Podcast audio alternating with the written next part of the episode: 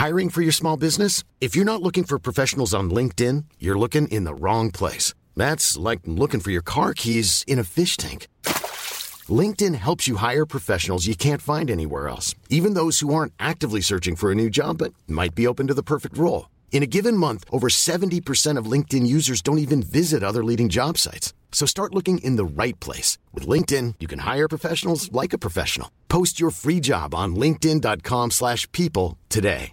Hey, it's Ryan Reynolds, and I'm here with Keith, co-star of my upcoming film, If, only in theaters May 17th. Do you want to tell people the big news?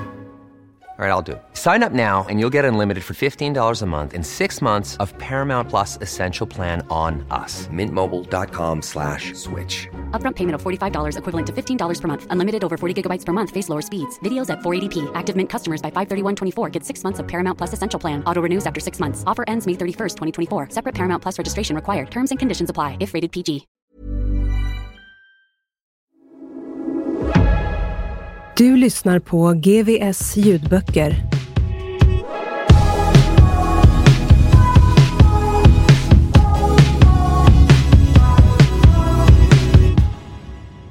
Sexton. En inställd resa är också en resa. Mars 2014. Jag väcks av telefonsamtalet. Den här gången ska jag inte resa med Kristoffer och bildjournalisten jag ska arbeta med befinner sig i en annan tidszon. Det tar mitt nyvakna jag en stund att ta in vad han säger. Att en svensk journalist har skjutits i huvudet i Kabul. Vi oroar oss för att det ska vara någon vi känner och försöker komma på vilka kollegor som för tillfället är i Afghanistan. Någon timme senare står det klart att det är Nils Horner. Det är elva dagar kvar tills jag ska resa och all glädje jag känt över att återse landet och människorna förbytts i bestörtning. Nästa samtal kommer från morgontidningen. Vi ska dit för deras räkning och bevaka presidentvalet. Nu vill redaktörerna diskutera säkerhetssituationen. Det låter ansvarsfullt, men till saken hör att de aldrig visat något intresse för att diskutera vår säkerhet innan. Jag förklarar att vi fortfarande vill åka, att vi tycker att det är viktigt att inte ställa in i all uppriktighet hade vår närvaro kanske inte gjort någon större skillnad för den samlade valbevakningens kvalitet. Men nu finns en annan angelägenhet. En kollega har mördats. Ideologiska klyschor blir plötsligt personliga. Om det inte är nu vi ska bevisa att det inte går att skrämma till tystnad, så när? Jag blir inte inbjuden till mötet där beslutet fattas. Det är förmodligen inte personligt. Tidningens egen utrikesredaktör blir inte heller inbjuden. Beslutet fattas på ledningsgruppsnivå där journalistiska intressen har att tävla med företagsintressen. Tidningen ställer in. Vi ställer in. Det ekonomiska underlaget för vår resa har försvunnit. Jag skulle önska att det var annorlunda. Men mer idealistisk än så är vår vardag sällan. Jag hade aldrig träffat Nils, men hade en lunch inbokad med honom i Kabul. Nu är han mördad och vi strandade. Varje enskild omständighet kring mordet är förbryllande. Var det genomfördes, hur det genomfördes, av vem och varför. Med hjälp av sunt förnuft och lokalkännedom kan du röra dig relativt obehindrat på Kabuls gator. Nils hade bägge. Och dessutom professionella fixare vid sin sida. Det finns kvarter som är farliga, men även där är risken att bli angripen relativt låg. Åtminstone dagtid. Det mest hotfulla som har inträffat när jag råkat förirra mig in i ett otryggt område är att någon kastar en banan mot mig. Även om Afghanistan är ett av världens mest våldsamma länder är spontana attacker sällsynta. Ensamma gärningsmän existerar knappt. I ett samhälle präglat av kollektivism utövas även våld gemensamt, vilket kräver samförstånd och samordning. Är du uppmärksam på din omgivning kommer du hinna identifiera hot och avlägsna dig innan illvilliga intentioner övergår i handling. Och Nils rörde sig inte ens i något område som normalt kräver vaksamhet, utan i Vasir Akbar Khans diplomattäta kvarter.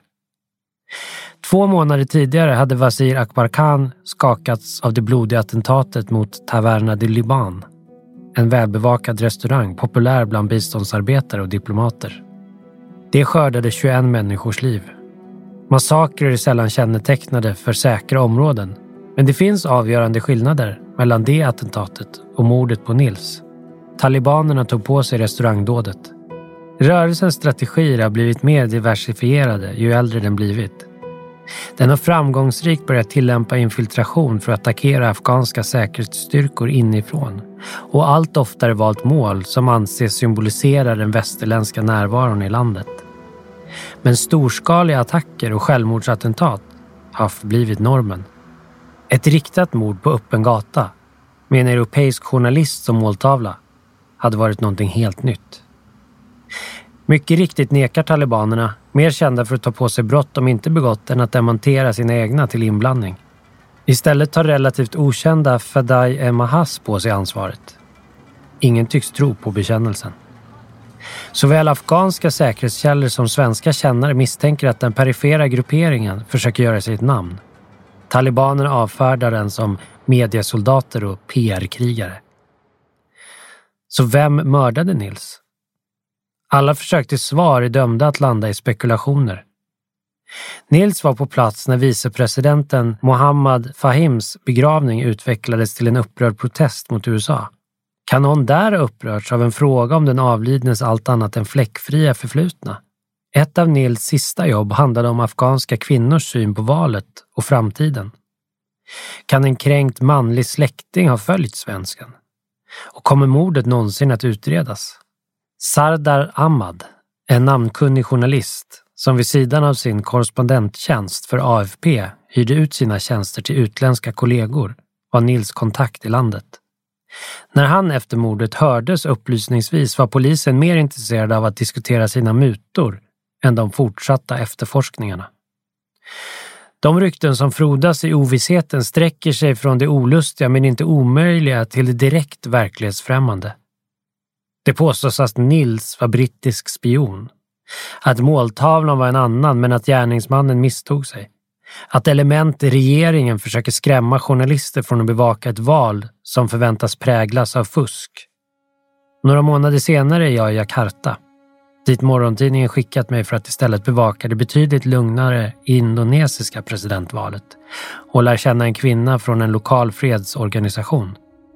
Hon var i Afghanistan som internationell valobservatör när Nils mördades och hävdar att attentatet mot Taverna du Liban inte var politiskt utan handlade om smutsiga affärer och att Nils, vägledd av sina vakna journalistiska instinkter, anat ett skop och själv börjat nysta.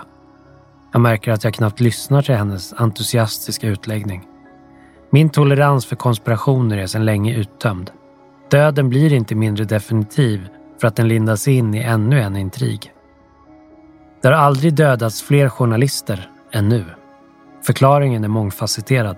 Sociala medier och möjligheterna till digital självpublicering har gjort såväl stater som icke-reguljära förband mindre beroende av journalister för att sprida sina budskap. Med följden att den nyttofunktion som fungerat som ett skydd har urholkats. Idag kan det till och med betraktas som ett styrkebesked att fängsla eller mörda en journalist. Parallellt med teknikutvecklingens ofrånkomliga framåtskridande har också bilden av journalisten förskjutits. Från en idealist enbart lojal med sanningen till fotsoldat i en pågående ideologisk offensiv med imperialistiska förtecken. USAs och Storbritanniens strategi att försvåra all annan rapportering än den som utförs av reportrar inbäddade hos de egna trupperna är en tungt vägande orsak. Att dessa stormakter dessutom inskränker pressfriheten och angriper granskande medier på hemmaplan har heller knappast ökat respekten för journalistiken.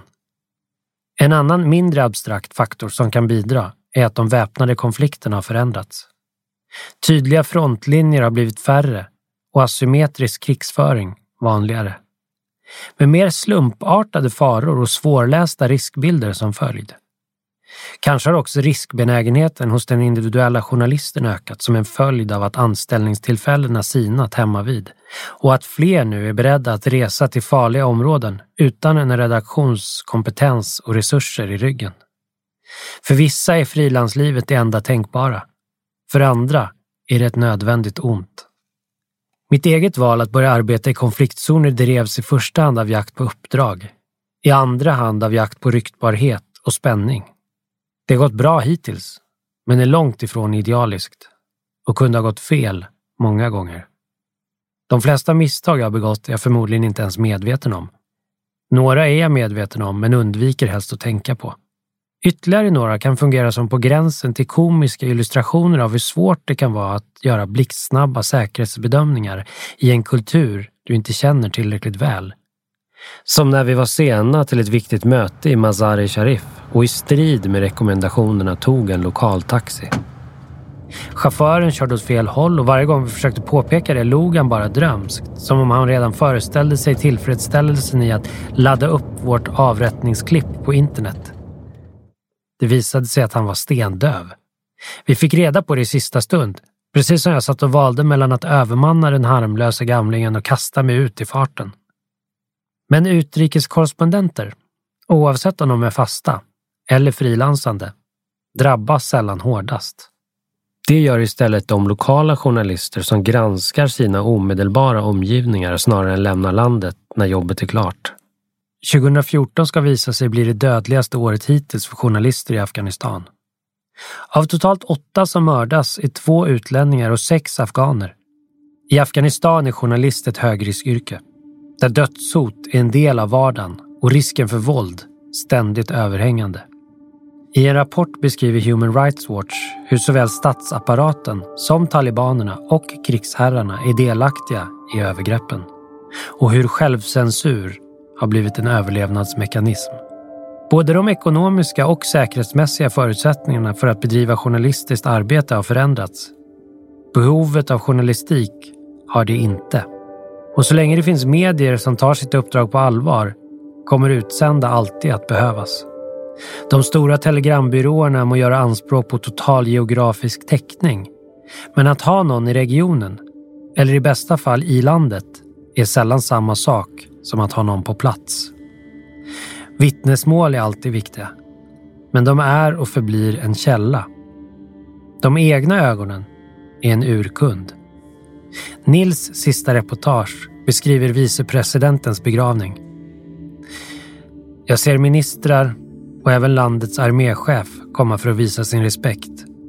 Hundratals tungt beväpnade vakter vakar kring ceremonin och alla besökare utom dignitärer kroppsvisiteras. Jag ser Kabul framför mig när jag lyssnar. 17. Kabul-Helsingborg. Tur och retur. Oktober 2014. Det blev ett val. Och som väntat präglades det av valfusk och våld. När vi återvänder till Kabul har Ashraf Ghani bara varit president i några dagar. Efter en andra valomgång den 14 juni utropade sig bägge de kvarvarande kandidaterna till segrare. Ghani kunde inte sväras in förrän 8 miljoner röster hade räknats om och USA med stor möda medlat fram en enhetsregering. Den stapplande valprocessen har hyllats som landets första demokratiska maktskifte. Men hur demokratiskt det i själva verket var kan ifrågasättas. Liksom hur mycket av ett maktskifte det i slutändan blev. När Ghani tre månader efter att ha svurits in slutligen presenterade sin regering var ministrarna, i strid med tidigare löften, valda utifrån lojaliteter snarare än meriter. Ny vicepresident är den ökände usbekiske krigsherren Abdul Rashid Dostum. Ghani som tidigare riktat hård kritik mot ex-presidenten Karzais allians med Dostum lät plötsligt väldigt marxistisk när han förklarade utnämningen.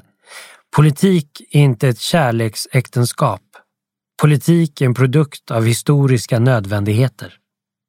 Afghanistankommitténs generalsekreterare Anna-Karin Johansson försökte kort efter presidentinstallationen sammanfatta atmosfären i landet. En gnagande känsla av att demokrati mest är ett skådespel. Alla de som stod och väntade i regnet på att få rösta frågar sig om det var värt det. I slutändan var det inte deras röster som avgjorde vem som skulle bli ny president, utan ett utdraget förhandlingsspel mellan redan kända maktgrupperingar. Jag får ett delvis annat intryck. Maktstriden må ha gjort att regeringen fastnat i startblocken men Ghani vet hur man skapar spinn. Kabul bubblar av rykten. Våra vänner berättar hänfört om hur presidenten besökt vanskötta offentliga inrättningar och på stående fot sparkat odugliga chefer. En sjukhuschef som inte var på plats under en oanmäld inspektion ska ha fått gå direkt. Mitt i natten ska Ghani ha beordrat sin bepansrade bil att stanna vid en obemannad vägspärr och därefter ha väntat i timmar för att personligen avskeda poliserna som avvikit från sin post. Vi vet inte om allt är sant, men som viral marknadsföring är det mycket framgångsrikt. Handlingskraften beundras. Att Ghani haft en lång och framgångsrik utlandskarriär inom Världsbanken är också populärt. Men framförallt beror gensvaret på en förhoppning om att antikorruptionsretoriken ska vara mer än just retorik. I ett samhälle där korruptionen institutionaliserats påverkas varje del av vardagen. Möjligheten att kunna söka ett arbete eller rapportera ett brott utan att behöva betala mutor utgör en mäktig lockelse för huvudstadens miljoner fattiga. Och många verkar besjälade av en genuin tro på att saker nu faktiskt ska bli annorlunda. Åtminstone i den relativt avskilda värld som Kabul utgör. Vi återvänder till Lagman för ett jobb om en flickskola. Det är ett angeläget ämne. Åtskilliga flickskolor som finansierats av biståndspengar tvingas slå igen nu när stödet sinar i samband med de internationella truppernas uttåg. Eller så tvingas de stänga när talibanerna flyttar fram sina positioner. För några månader sedan ansåg sig guvernören i Shindand i västra Afghanistan tvungen att beröva 40 000 flickor deras rätt till utbildning efter hot om självmordsattacker. Efter att ha intervjuat blyga men smittsamt entusiastiska skolflickor talar vi med rektorn. Marcia Jabarkilla har föga att säga om sin president. Men desto mer om en annan aktuell händelse. En gruppvåldtäkt i Pagman har blivit en nationell angelägenhet och fem gärningsmän har dömts till döden. Men rektorn misstänker att allt inte gått rätt till i rättsskipningen. Media har inte visat deras kroppar. Varför? Jag tvivlar på att de har blivit avrättade. Det var det positiva med talibanerna. De utförde varje uppgift i enlighet med islam och sharia. Straffen var omedelbara. Allt det som nämns i Koranen gjorde talibanerna i praktiken. Vi har inte kommit för att diskutera talibanerna. Men Marcia pratar vidare om hur rörelsen missförståtts och spekulerar i att dess värsta övergrepp begåtts av utländska infiltratörer. Det är en kärleksförklaring. Men även i de lyckligaste äktenskap finns korn av osämja. Under 30 år av krig blev många kvinnor änkor och deras bröder dödade. Det enda ärbara då är att utbilda sig och ta ett jobb för att föda sin familj. Men talibanerna vägrade låta kvinnor göra det. De ignorerade samhällets vilja. Men det var det enda stora misstaget talibanerna gjorde, säger hon med eftertryck. Varken talibanerna eller skändade lik passar in i det reportage vi producerar för en norsk ungdomstidning för 8 till 12-åringar. Lätt förvirrade lämnar vi skolan. Flickorna i samma ålder som ungdomstidningens målgrupp vinkar glatt efter oss. Det är fint att träffa vår fixare Suleiman igen. Han gestikulerar från andra sidan den hårt trafikerade vägen. När vi hoppar in i hans Toyota Corolla erbjuder han oss varsin stor burk. Förut brukade jag dricka energidryck på morgonen.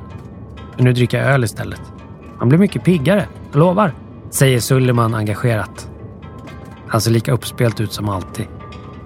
Men detta är också första gången vi får se Suleiman ledsen. Det är sista dagen av Eid, men han har tagit en paus i familjefirandet för att möta oss och gå igenom våra planerade jobb. Under de år vi känt honom har han haft en hemlig flickvän. När han talat om henne har hans ögon tindrat och ordvalen andats respekt. Nu är hon förlorad för honom. Bortgift mot sin vilja. Av en pappa som tyckte att en läkare var ett bättre parti än en tolk. Sånt är livet, säger Suleiman och slår ut med armen. Han ska lämna Kabul. Efter att ha försökt via den formella vägen och fått nej har han nu fått uppehållstillstånd i USA genom kontakter. Att hans liv skulle sväva i fara efter uttåget spelade mindre roll. Att en amerikansk löjtnant fattat tycke för honom desto större. Löjtnanten har ordnat ett arbete som civilanställd på den federala narkotikapolisen i Sacramento i norra Kalifornien. Staden är hem för flera generationer av exilafghaner som flytt flera olika krig. I USA ska jag köpa en jeep. En fyrhjulsdriven Chevrolet, säger Sullivan. Jag ska köra den i bergen. Jag ska köra den genom öknen. Jag gillar de gamla modellerna. De ser ut som monster. Och i USA måste man ha bil. Annars får man inget jobb.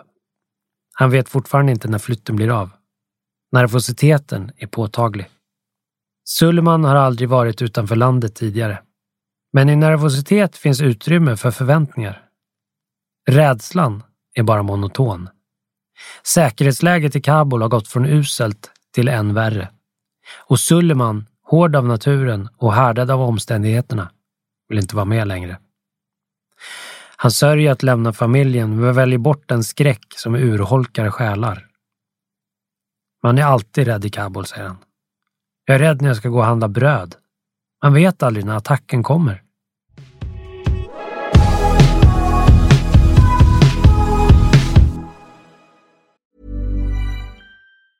Many of us have those stubborn pounds that seem impossible to lose, no matter how good we eat or how hard we work out. My solution is PlushCare.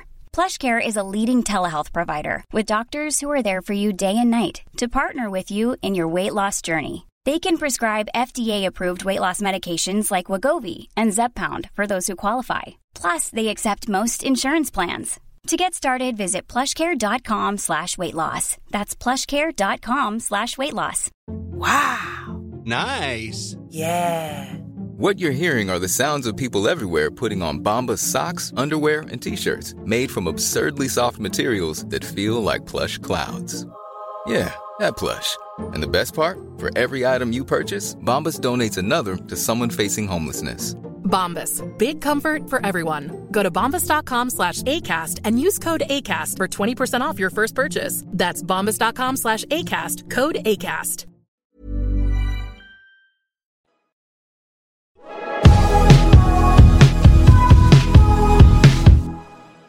Även på Afghanistankommittén blåser förändringens vindar. Andreas tid som landschef är över. Den förnuftige skåningen som var säkerhetschef har ersatts av en amerikan med militär bakgrund och nitisk attityd. Frank, som tidigare var administrativ chef, är död. Han besökte en teaterföreställning på en gymnasieskola i Kabul när en 16-årig pojke detonerade en självmordsbomb. Förutom förövaren själv var Frank det enda dödsoffret.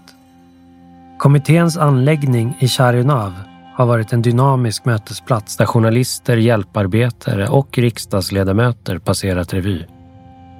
Det är tystare nu. Men kocken Gulnor är kvar och kramar som vanligt om oss. Hans matlagning är alltjämt lika oslagbar. Hans förmanande utläggningar på obegriplig engelska gör oss fortfarande lika trygga. Han gömmer fortfarande det dyrbara kaffet så att vi inte ska dricka upp det. När vi köper eget kaffe gömmer han det också. Kommittén är inte den enda drabbade organisationen. Afghanistan är inte längre lika attraktivt för biståndsindustrin. Inte ens tidningen Afghan Scene är sig lik. Mingelreportagen har utgått. Det finns inga mingel kvar. Klientelet på svenska ambassadens fester reflekterar förändringen. Om det förut gick en säkerhetsanställd på tio biståndsarbetare är proportionen nu den omvända. De är civilklädda men går lätt att känna igen på sina informella uniformer. Ljusa kakebyxor, tajta pikétröjor, mobil och handeldvapen i hölster. Det finns förstås ingen anledning för dem att bära vapen. Tillställningarna vaktas redan av deras kollegor i tjänst. Men alla subkulturer har sina attribut. En ung journalist från Sri Lanka försöker för det kommersiella men samhällsengagerade mediakonglomeratet Mobis räkning sätta ihop ett kvinnligt cricketlandslag och har varit vänlig nog att hjälpa oss med tolkning. Hon häpnar över berättelsen om fester som varit. Hon har bara varit i landet i knappt tre månader och kom för sent för att uppleva Kabuls beryktade nattliv. Så länge konflikterna härjat Afghanistan har landet varit utsatt för storskalig kompetensflykt. De som har haft råd med utbildning är också de som haft råd att lämna landet. Men det finns vissa som gör resan åt motsatt håll. Vi är ute och knallar i Charinav när någon ropar efter oss på skånska. Fan, jag tyckte jag hörde någon prata svenska, säger Ahmal Rahimpour. Han och tvillingbrodern Ajmal är på besök för att fira två bröllop i släkten. De bjuder omedelbart in oss. Resten av veckan skämtar jag och Kristoffer om huruvida det verkligen är säkert att följa med främmande män vi bara träffat som hastigast på gatan. Kabul är en farlig plats och de är trots allt skåningar. Hösten har kommit och när de första gästerna anländer strax efter klockan 19 har mild dag redan övergått i kylslagen kväll. Hundratals röda och blå lampor på fasaden får Mumtaz Mahal att lysa i mörkret. Äktenskap är en industri i Afghanistan och medan de fattigaste firar i dekorerade hem hyr de som kan överdådiga festsalar. Mumtaz Mahal är stor som en mindre idrottsarena och ser med sin fasad av spegelfönster ut som ett rymdskepp med diskobelysning. Brorsan drog på sig kostym, men jag pallar inte, säger Ashmal, som posterat sig utanför entrén för att välkomna gästerna. I själva verket är hans vackert broderade chavlar kames, den traditionella dräkt som i Syd som Centralasien används till både vardag och fest, ett minst lika stiligt alternativ och betydligt mer bekvämt. Invändigt pryds taket av kristallkronor och väggarna av blinkade ljusslingor. Lokalen fylls av män som utbyter hedersbetygelser, män som skrattar, män som slår sig ner runt borden för att dricka te och äta kanderade nötter. I mitten av salen har en barriär av flyttbara väggar byggts upp. På andra sidan hörs de kvinnliga gästernas sorl. Du vet, det är annorlunda här i Afghanistan, säger Akmal. Jag gillar inte. Uppdelningen mellan män och kvinnor. Men det är känsligt här. Salmai Rafiksai tillhör brudgummens familj och besöker Afghanistan för första gången på 22 år. Den tidigare kriminalinspektören, numera tolk åt bland andra svenska polisen, flydde 1992. Det var då de muslimska fundamentalisterna kom hit till Kabul, säger han. Det känns bra att vara tillbaka, men lite konstigt. Det är en massa släktingar som var små när jag såg dem sist. Nu har de egna barn. Hand efter hand skakas och efter någon timme sveper Salmais blick över lokalen i jakt på undanskymda utrymmen. Nej, man kanske skulle gå och leta lite alkohol, säger han med ett belåtet leende. I nästa ögonblick möter han en vän som han senast såg innan flykten. Omfamningen är lång och innerlig. Salmai viskar någonting om vodka och de bägge männen drar sig undan tillsammans. Smaken för starksprit kommer inte från Sverige. Salmai och vännen var unga i en tid då Kabul öppnade sig mot världen och alkohol för många var en del av vardagen. Inne på Momtaz pratas lika mycket skånska som dari och pashto. Helsingborg är hem för en mindre afghansk diaspora som nu mer eller mindre mangrant rest till ursprungslandet för att fira de dubbla bröllopen. Det ena i full gång. Vid det andra var en kusin till Ajmal och Akmal huvudperson. Jag gifte mig här nere för två veckor sedan, berättar Najib Nevzadi glatt. Bandet blandar tablas och elgitarrer och volymen gör civiliserad samtalston omöjlig. Det betyder att det är dags för dans. Männen blandar traditionella steg med utstuderade improvisationer och en närhet som inom svensk kultur enbart kan legitimeras av stora mängder alkohol eller kontaktsporter inom lagidrotten. En ung pashtun tar fast grepp om mitt lår och tvingar mig att lova honom en dans. Jag varken vågar säga nej eller infria mitt löfte. Det är frenetiskt, men verkar ännu vildare på andra sidan väggen. Varje gång en låt tar slut stiger jublet från kvinnornas sida. Jag sa till dem att vi borde ta ner gardinen, men de sa att vi inte fick. Det mesta är ju mycket bättre på kvinnornas sida. Alla är uppe och dansar. Männen sitter mer och röker eller dricker te, berättar Najibs syster Nargis senare. Vi håller kontakten med Najib. Några dagar senare träffas vi i Sharenav, där jeans och skjorta är lika vanligt som chavler kamez och slöja vanligare än burka. Det är den tveklöst mest västerländskt influerade stadsdelen i Kabul. Och den är samtidigt utan tvekan mer konservativ än för två decennier sedan. På pappas tid var det krogar på hela den här gatan, säger Najib och pekar. Det fanns till och med en strippklubb med ryska kvinnor. Familjen lämnade Afghanistan när han var fyra år gammal. Najib har fortfarande enstaka minnen av den sista tiden i landet. Vi var i en liten by i Helmand. Det riktiga talibanterritoriet. Det finns ett litet bageri. Bakom bageriet står en tall och i den hänger en man. Jag kommer ihåg att jag frågade vad som hänt. De svarade att han sålt bröd till en kvinna utan slöja och det här var hans straff. Jag blev helt skräckslagen. Drömde mardrömmar om det. De har berättat för mig att jag skrek och kissade på mig om nätterna. Efter två år i Pakistan gick resan vidare till Sverige och från sex års ålder tillbringades Najibs barndom i Helsingborg. Där lärde han sig snabbt att andra förknippade honom med det han tvingats fly från.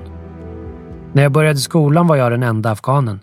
De andra frågade mig varifrån jag kom och när jag svarade Afghanistan kallade alla mig taliban. Jag minns att jag ville visa dem att alla afghaner inte var sådana. Snart nog skulle det visa sig att flyktingpojken hade bollsinne utöver det vanliga och fotbollen blev en väg till en identitet bortom ursprunget. Najib fostrades i Henke Larssons moderklubb Högaborg och gick sedermera vidare till seniorspel med Ängelholm i division 1. Vid 18 års ålder tog talangen honom hela vägen över Atlanten. Jag hade idrottsstipendium från olika college och spelade i USA i två år. Levde lyxliv och gick på klubbar hela tiden.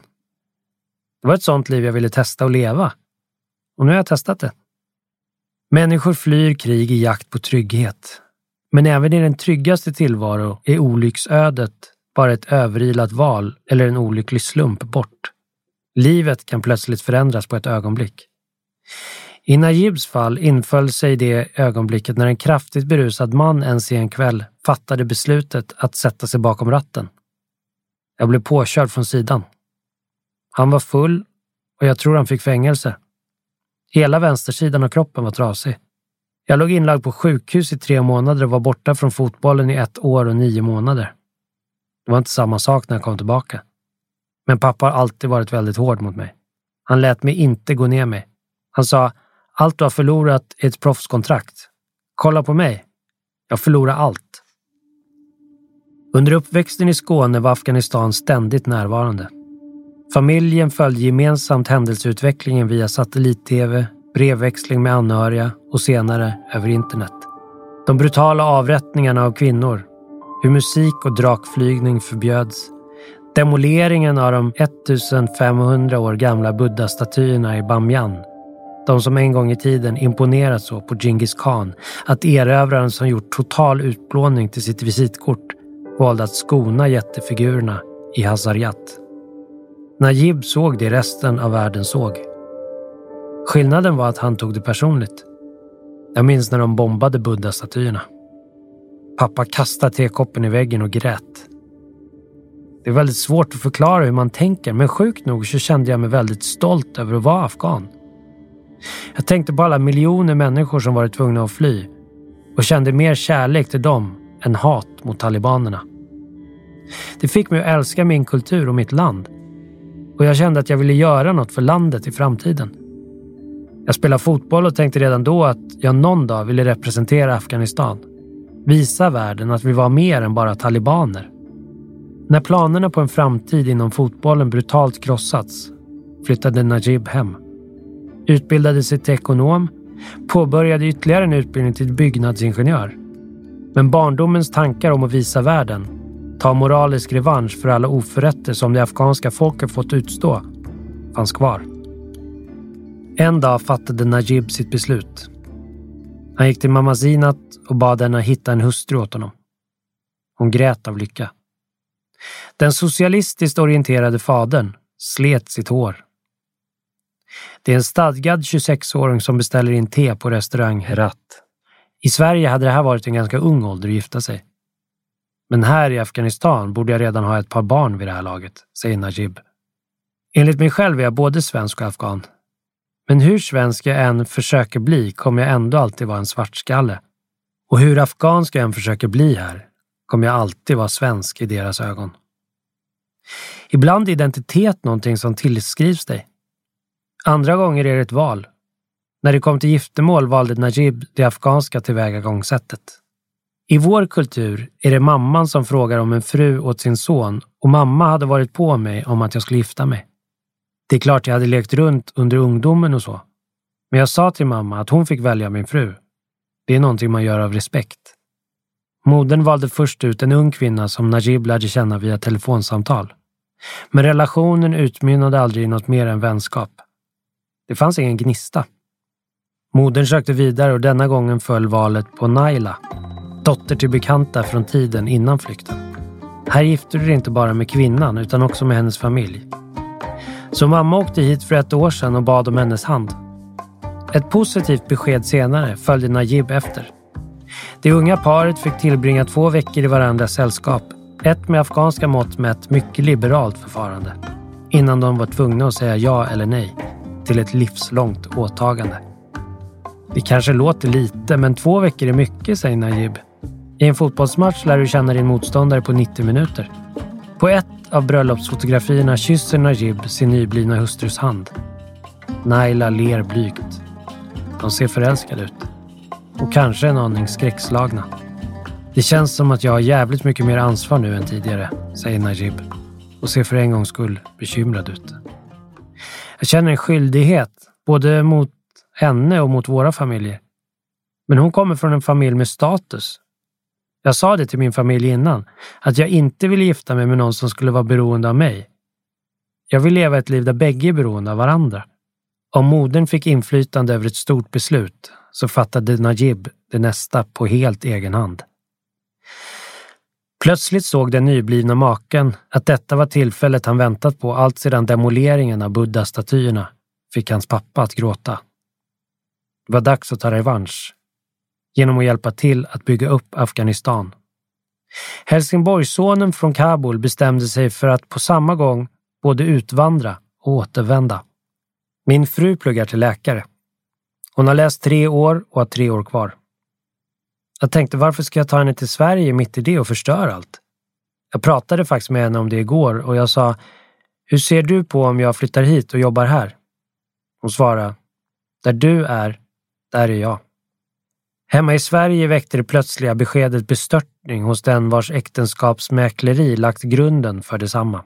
För mamma Sinat vändes glädjen över att ha vunnit en dotter till skräck över att förlora en son. Hon har gråtit och säger att jag kommer bli dödad. Jag säger till henne att det inte är någon fara. Men mammor oroar sig och hon har ju redan flytt härifrån en gång. När vi senare åker hem besöker vi ett Helsingborg där vardagen har sin obenhörliga gång. Ajmal är orolig över att förlora jobbet. Drygt 200 personer ska sägas upp när företaget han arbetar på ska flytta produktionen till Lettland. Och Anwar, Najibs far, är lite trött efter att bilen föregående kväll gick sönder på Öresundsbron och behövde bärgas hela vägen hem. Nu sitter han hemma i köket i väntan på dagens första tolkuppdrag. Sen ska jag till Landskrona, men nu ringer de snart från en skola. Jag ska telefontolka. Man måste jobba. För att försörja sin familj och för att livet ska gå vidare. Ett olägligt telefonsamtal avspisas artigt för att hålla linjen fri. Kan du ringa mig imorgon tack och lov? frågar Anwar. Barnen brister ut i skratt åt pappan som fortfarande brottas med språket. Anwar skrattar också. Det är en väldigt fin familj. Anwar var 17 när han 1979 gick med i det kommunistparti som året innan tagit makten i Afghanistan. Han utbildades i Sovjetunionen och fick en position som fängelsechef i provinsen Badghis. Det visste Anwar inte då, men studieorten kom många år senare att avgöra valet av flyktdestination. När jag studerade i Sovjet läste vi om Sverige. På den tiden brukade vi få höra att det var här den riktiga socialismen fanns. Väl hitkommen engagerade sig Anwar i Vänsterpartiet men snart kom lönearbetet att kräva all hans tid. I det nya landet visade sig hans juridikutbildning vara värdelös.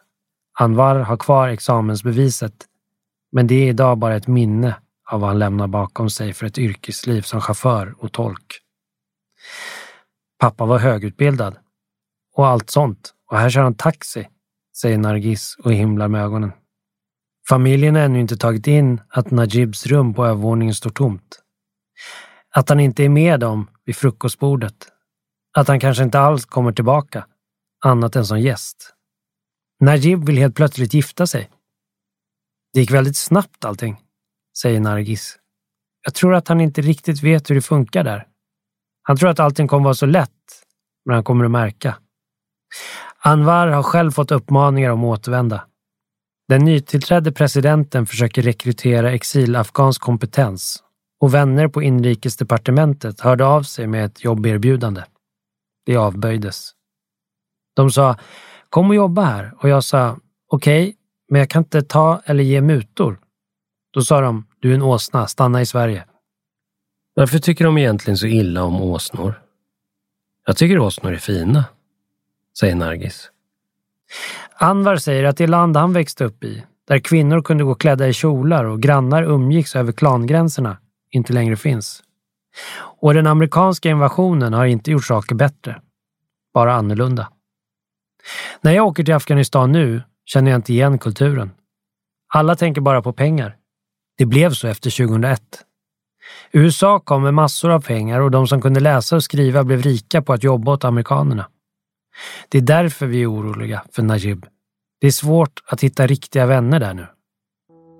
I Kabul kommer en man iklädd arméuniform in på restaurang Herat och lägger sin kalasjnikov i knät. Najib bestämmer sig för att gå. Man vet aldrig vem det kan vara. Trots uniformen, förklarar han. Najib är försiktig. Och liksom familjen i Helsingborg är han rädd. Det är bara några månader tills ansvaret för säkerheten i landet ska lämnas över till de afghanska styrkorna. Många befarar att inbördeskriget står för dörren när den bräckliga regeringen ska klara sig utan utländskt eldunderstöd. Om sanningen ska fram är jag väldigt rädd. För framtiden, mitt folk, min frus familj. När ryssarna lämnade tog det inte lång tid innan regeringen störtades, säger Najib. Vi hoppar in i nästkusinen Farsads bil. Samtidigt är det så här. Alla som är utbildade har lämnat Afghanistan. Hur ska landet då kunna utvecklas? Hur ska de lösa alla sina problem? Jag tänker att det borde vara tvärtom. Det är vi som har utbildning som borde åka tillbaka.